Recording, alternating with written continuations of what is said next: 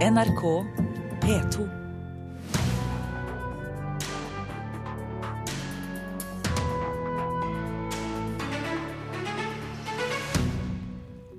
Statens filmpolitikk er helt uten ambisjoner, sier tidligere kulturminister Trond Giske, dagen etter at Joakim Trier ble plukket ut til Cannes hovedprogram. Nivået på dronning Sonjas, utstilling i New York er helt i toppen av internasjonal grafisk kunst for tiden. Det mener kjent amerikansk kunstkritiker.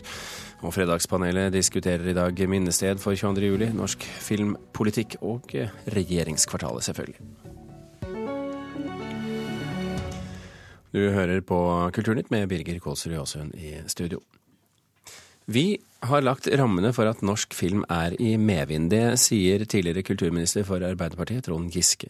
I går ble som kjent Joakim Triers kommende film 'Louder Than Bombs' plukket ut til hovedprogrammet under årets Cannes-festival i mai. Den store æren for at norsk film er i medvind, har jo alle dem som lager norsk film. Men vi har lagt rammene for det ved at vi i 2007 sa at nå har vi talentene. Nå trenger vi ikke å diskutere høna og egget lenger, nå må pengene komme. Og så eh, mer enn dobla vi satsinga på norsk film. Det kommer til å bli bedre. Alt kommer til å ordne seg. Allerede i 2011 ble Joakim Trier lagt merke til i Cannes. Filmen 'Oslo 31. august', som vi hørte lyd fra her, ble vist i et sideprogram i den franske filmbyen. I år konkurrerer Trier om selveste Gullpalmen.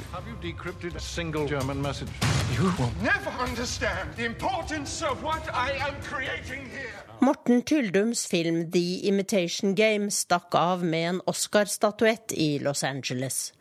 Grunnlaget for suksessen til både Tyldum og Trier la de rød-grønne i 2007, mener Giske. Vi satt noen utrolig ambisiøse mål. Vi sa at vi skulle doble publikumsoppslutninga. Vi skulle ha 25% av kinobilletter solgt på norske filmer. Vi skulle lage minst 25 filmer hvert år. Eh, vi skulle vinne internasjonale priser. Det var tre av eh, fem mål. Trond Giske mener at den gode trenden er truet av dagens filmpolitikk, og at signalene fra regjeringen har vært enten negative eller fraværende. Det første eh, Høyre og Frp gjorde da de kom i regjering, var jo å kutte i filmbudsjettet. Altså, kulturministeren har jo sagt veldig klart at målene fra min filmmelding i 2007 ikke lenger gjelder. Man har gått bort fra de målene. Nå er det jeg vet ikke helt hvilke mål som gjelder. Eh, ambisjonene er borte. Kulturminister Toril Vidvei kjenner seg ikke igjen i denne karakteristikken. Det syns jeg er litt om, for å si det forsiktig. Blir det Berlin, Cannes og Los Angeles med denne regjeringens politikk? Ja, altså Det er jo opp til de som produserer det, som lager gode filmer. Altså Regjeringen eh, har til enhver tid et ansvar for å legge forholdene godt til rette. At det finnes muligheter for å kunne lage god norsk film, det kommer denne regjeringen til å fortsette med. Thomas Ropsam, som er en av flere produsenter bak Joakim Triers nye film, mener det er feil av dagens regjering å skjære ned på filmbudsjettene nå som norsk film gjør det så bra. Nå burde man jo satse skikkelig på norsk film. Bare tenk på Danmark, hvor en annen Trier er en av de mest kjente personene i verden. Han er rett og slett uh, uh, Han profilerer rett og slett Danmark. Én regissør, liksom. Og, og, den type tankegang har det alltid vært liksom vanskelig å få, få, Norge med på før det har gått veldig mange år, da, og man er blitt Ibsen eller Munch. Men, men nå, nå, burde man jo som kulturpolitiker tenke at dette er jo en måte å profilere Norge på. Dette er jo bra for alle. Og det skulle jeg ønske at det var mer av. Og reporter her, det var Tone Staude. Kjetil Ismoen, redaktør i Rushprint og filmkritiker i Aftenposten, velkommen til Kulturnytt. Takk. Kan eh, Joakim Trier takke Giske for at han nå får delta i det gjeve hovedprogrammet i Cannes? Altså, Filmfeltet var jo hjertebarnet til Giske i kulturpolitikken, så han må nok få lov til å ta et visst eierskap. Eh, men det er jo begrenset hva en politiker kan utrette. sånn at eh, Forskjellen på de rød-grønne og de blå-blå er jo at de rød-grønne for første gang i norsk historie kanskje ville noe helt konkret med filmen. Man satte seg noen klare, tydelige mål. Uh, og mens de blå-blå er tilhengere av en annen type politikk, de bryr seg ikke så mye om filmen, men de er veldig glad i film, de også. Men det er de næringsmessige aspektene de er opptatt av. Blant annet så kommer de kanskje til å innføre en insentivordning for utenlandske filmproduksjoner i Norge, som kan føre til at vi kanskje om ti år sitter her og snakker om gevinsten av det. Mm. Eh, samtidig så er jo de som nå virkelig er store, f.eks. Harald Svart, Morten Tyldum og, Joakim mm. Trier, de har jo kommet til på den litt mer kommersielle siden av filmproduksjonen? Ja, det kan du si. Men vi må nesten fastslå her at vi har jo ikke vunnet noen av de virkelig gjevige prisene ennå. Men vi kan jo komme til å gjøre det, f.eks. i Cannes nå. Men jeg tror at eh, det er en lang vei å, å, å, på en måte vinne de aller gjeveste prisene. og Noen mener fortsatt at Giskes mål var ganske hårete. Eh, men altså, hvis vi vinner Gullpalmen nå, eh, noe sannsynligheten for kanskje ikke er så stor overhengende, men jeg kan ta feil, så, så, så har han jo Da kan han jo virkelig slå seg på brystet. Men, men, men hvor viktig er filmpolitikken da i, i forhold til eh, disse norske utmerkelsene internasjonalt? Jeg tror at en, en, en kunstnerisk uh, type som Joakim Joachim Trier ville ha, ha, slått gjennom uansett. Han er litt sånn, sånn som sin fjernere fetter fra Danmark, Lars von Trier. Uh, et ganske unikt talent. Eh, Morten Tyldum også er, eh, har en utrolig drive. Og, altså, det, er, det, er, er, personlige kunstneriske triumfer vi snakker om, men det skal ikke legge skjul på at politikken betyr noe. Og, og de rammene som de rød-grønne satte, har, har også og, og Joakim Trier profitert på gjennom eh, talentstipend osv. Så, videre. så Joakim Trier er et produkt av den norske filmkulturen. De positive sidene ved norsk filmkultur også, og det skal man ikke glemme. Og han har vokst opp i en filmfamilie, en, en kjent filmfamilie i Norge. Men vil vi som publikum merke disse endringene som skjer på det politiske nivået? Ja, det at man, de blå-blå kuttet i, i filmstøtten uh, ganske tidlig i sin uh, periode, fører jo til at det blir færre filmer. Det er jo så enkelt som det. Uh, og de rød-grønne, som var veldig opptatt av kvinnelig representasjon foran og bak kamera, de, altså, det arbeidet har jo ført til en form for indirekte kvotering som har gitt oss flere kvinner, kvinnelige regissører, f.eks. Nå er det jo en uh, filmmelding på trappene. Uh, hvilke forventninger har du til den?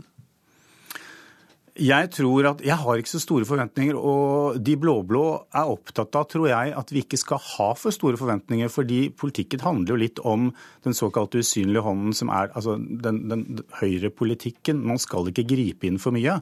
Og de er opptatt av at bransjen selv skal utvikle talentene og, og, og, på en måte stå for uh, det langsiktige utviklingsarbeidet. Og, og det, er, det, er, mange fine ting ved det. Uh, altså Politikerne skal ikke gripe inn for mye heller, særlig ikke når det gjelder kunstneriske prosesser. Kjetil Lismoen, takk for at du kom til Kulturnytt. VGTV bryter regler om sponsing i flere av sine programmer. Det mener Medietilsynet. Ifølge Klassekampen har tilsynet gjennomgått programmene Baketipset på ett minutt og Hva hvis, og mener at det ikke opplyses godt nok om at programmene er sponset.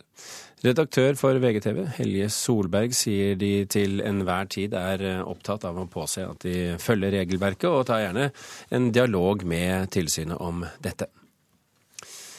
Tallene som nevnes er formidable, det sier Kristiansands ordfører etter at Skatt øst har varslet krav om at Kilden konsert og kulturhus må betale tilbake hele 294 millioner kroner i moms. Det melder Fedrelandsvennen i dag. Skattemyndighetene mener konserthuset har drevet en mer kommersiell virksomhet enn de skal når de har fått momskompensasjon. Ordfører Arvid Grundekjønn sier kravet kom helt uventet. Vi vel si at uh, vi ble svært, svært overrasket alle på kommunal side og, og fra Kildens side. Hva gjør det nå? For det første er det vel en type uh, dialog rundt uh, skal vi si, faktagrunnlaget for å, å, å oppdage det som, som, er sakens faktiske forhold. Vi mener vel at det er rimelig klart at dette kravet ikke er ikke er korrekt og velbegrunnet. Det sa Arvid Grundekjønn. Og hvis jeg kom i skade for å si Skatt øst, så var det selvfølgelig feil. Det var Skatt sør.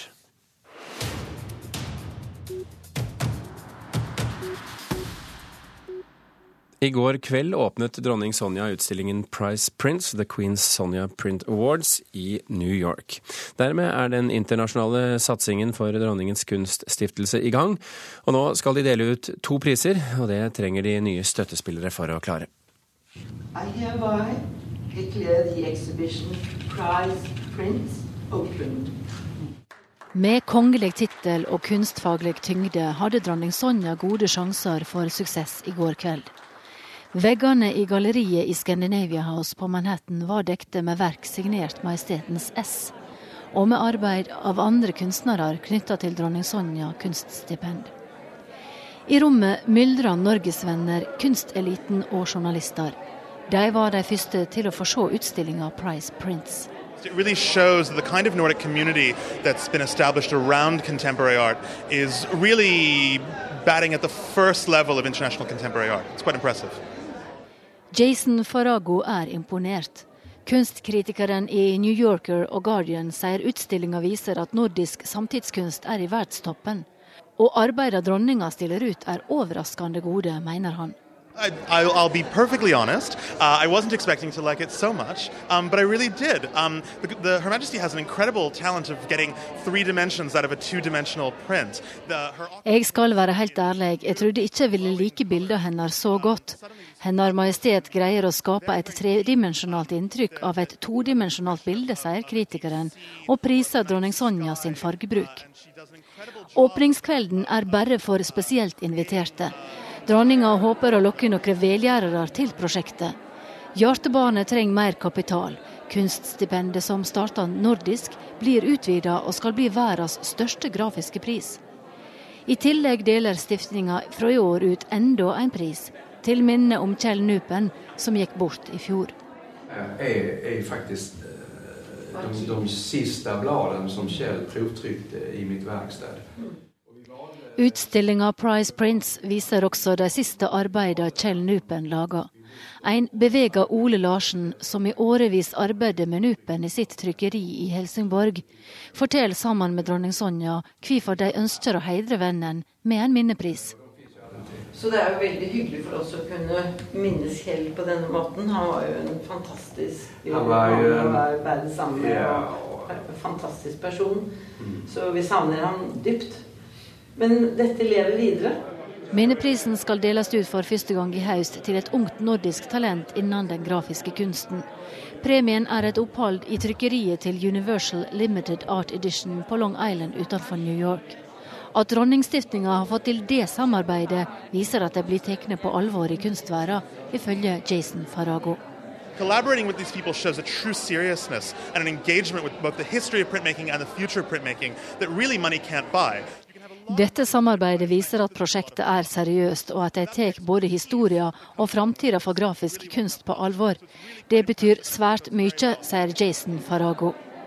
Etter en time er den celebre åpningsvisninga med kongelig nærvær over. Dronning Sonja har debutert internasjonalt, både med kunst og grafikkpris. So it's really quite impressive, and I think it bodes very well for the future of. Jason Farago er kunstkritiker og skriver bl.a. for The New Yorker og The Guardian. Reporter i New York, det var eh, Kristi Marie Skrede.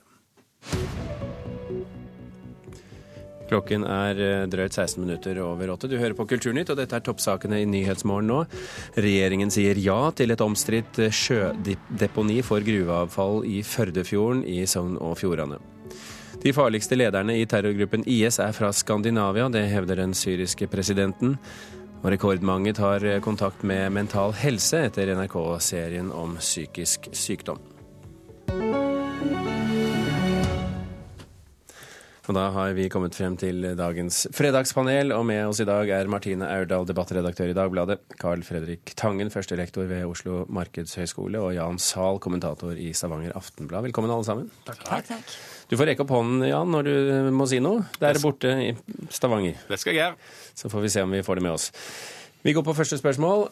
En ny rapport viser at naboene til det planlagte minnestedet 22.07.2011 kan få livslange plager av å ha det så tett innpå seg, men støttegruppen for ofrene etter 22.07 mener arbeidet med minnestedet må fortsette. Spørsmålet vårt er bør det fortsette? Jan?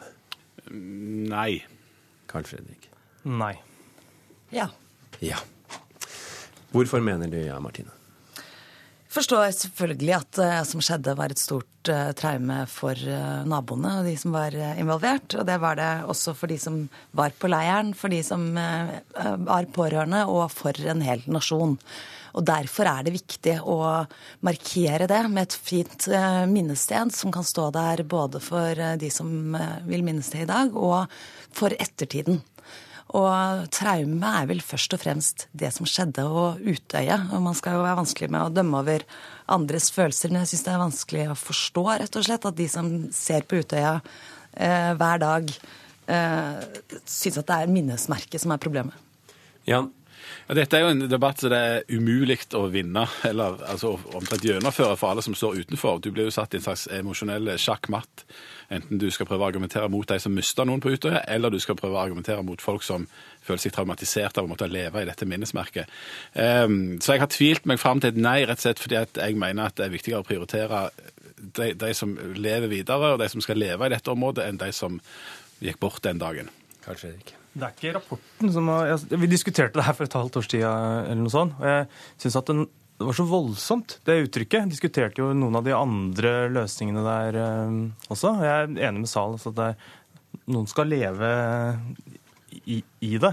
Ville det vært annerledes hvis de hadde valgt et annet eh, minnesmerke, minnested? Ja, jeg synes både, altså, Hvor synlig visuelt det er. Men jeg forstår også altså, at du blir liksom et sånt det, blir, det kan jo nesten altså, det blir et sånt reisemål, da. Altså hvor mange skal eh, Litt sånn uten at du har valgt det i, eh, i, det hele tatt. Jeg skjønner at det er i hvert fall vanskelig å se for seg. For Martine, Det er også et poeng at de som bor der, jo, de har det jo hele tiden, mens de andre kan velge når de vil ha inntrykket på seg. Ja, men jeg er ikke sikker på om denne valfartingen til minnesmerket blir, blir, så mye større eller mindre. Altså vi eh, som reiser langs Tyrifjorden og ser Utøya får eh, de samme følelsene av å, av å, være i området nå, tror jeg, eh, med eller uten minnesmerke. Men jeg, jeg syns for det første at det utkastet som, som, er valgt, er nydelig. Et vakkert og markant eh, brudd i naturen. Eh, men det er ikke det viktigste. Altså det at det er der, og at det skal lages i vår tid uh, for ettertiden, syns jeg er nesten er det absolutt viktigste med det minnesmerket. Og da er det ikke naboene som bor der i dag heller som er det viktigste, og det er heller ikke de som som, uh, som, ble berørt akkurat nå. Men vi er i en helningsprosess etter det som skjedde. Nå Eh, skal vi komme tilbake til det senere, men altså nå tar vi i bruk paviljongen eh, i regjeringskvartalet utenfor Høyblokka for første gang denne uka. Eh, vi tar AUF tar Utøya i bruk igjen for første gang til sommeren. Vi må ta dette gradvis, og det må vi venne oss til, alle som syns det er vondt og vanskelig også, som en del av helningsprosessen. Men når det er den prosessen, er det ikke sikkert at det å bygge minnesmerker er det første du bør gjøre. Jeg er også litt sånn usikker på tempo som det skal drives fram på. Vil det være annerledes for deg hvis man utsatte det i la oss si ti år, da, for å ta et tenkt tall? Jeg syns det ville vært helt ålreit å bruke lang tid på å diskutere, i stedet for at du bråbestemte hvordan det skulle gjøres, og så måtte liksom folk protestere mot løsningen. Altså, du kunne brukt mye lengre tid på å diskutere det. Er det, er det en løsning for deg også, Sal? Ja, sånn litt salomonisk, ja. Altså, jeg, det, som sagt, det er jo sjakkmatt uansett, dette. Så jeg glad jeg ikke er den som skal bestemme det. Vi får la prosessen gå sin gang og hoppe heller til neste spørsmål her i Fredagspanelet. Eh, regissør Joakim Trier skal altså til hovedkonkurransen i Cannes med denne filmen 'Louder Than Bombs', som er eh, på eh, beddingen. Vi hørte i begynnelsen av sendingen her at eh, kulturminister Trond Giske gladelig tar på seg ansvaret for å ha skapt vind i seilene på norsk film. Kan norske politikere ta æren, Erdal? Nei. Ja. Ja. Ja. Og hvis det var noen som trodde at jeg trodde at det var eh, dagens kulturminister som heter Trond Giske, så er det altså ikke det. Jan Sahl, eh, hvorfor? Fordi at Giske satsa på film, og han snakket ikke bare om det, han fikk bevilga en drøss med penger. Eh, politikere kan ikke eh, vedta talent eller at det skal bli gode filmer, men de kan eh, gi penger sånn at mange får sjansen til å lage en hel del film. Og det førte den filmsatsinga til. Noen av de filmene har blitt gode, andre har ikke blitt gode, men Talent som trier har fått en sjanse, og det skal politikerne ha litt av æren for. Ære eller skyld. Jeg vet ikke, altså For tilstanden i norsk eh, film, det må jo politikerne ha. Altså, det er jo så mye Det er lettere å ta æren enn å ta skylda. ja, altså, det er jo så mye offentlige midler og så, så, så, mange, så mye offentlig som må tilrettelegges eh, for det. Men jeg syns jo at den tanken som Giske hadde, liksom om å utvikle et uh, miljø ved å bruke penger og la de samme folka holde på, men ha et institutt som skal så Det stemmer i hvert fall overens med sånn hvordan skal du utvikle industrielle clustere og sånn? Altså, så jeg syns at eh, litt æren bør ligge hos politikerne. Det er selvfølgelig helt riktig at det er avgjørende å legge til rette for at folk skal kunne få lage film og få utvikle seg.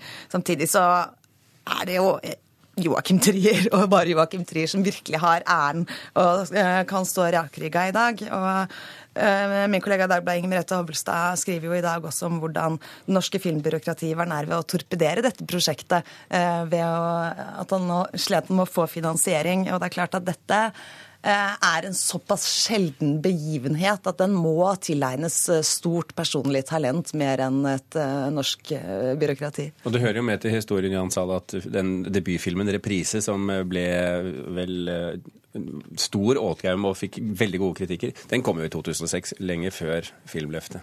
Ja, men så fikk han lage noen filmer etterpå. Så er det jo interessant at bestefaren hans også var i Cannes. Ja, ja. altså, Kanskje det er genetisk, egentlig.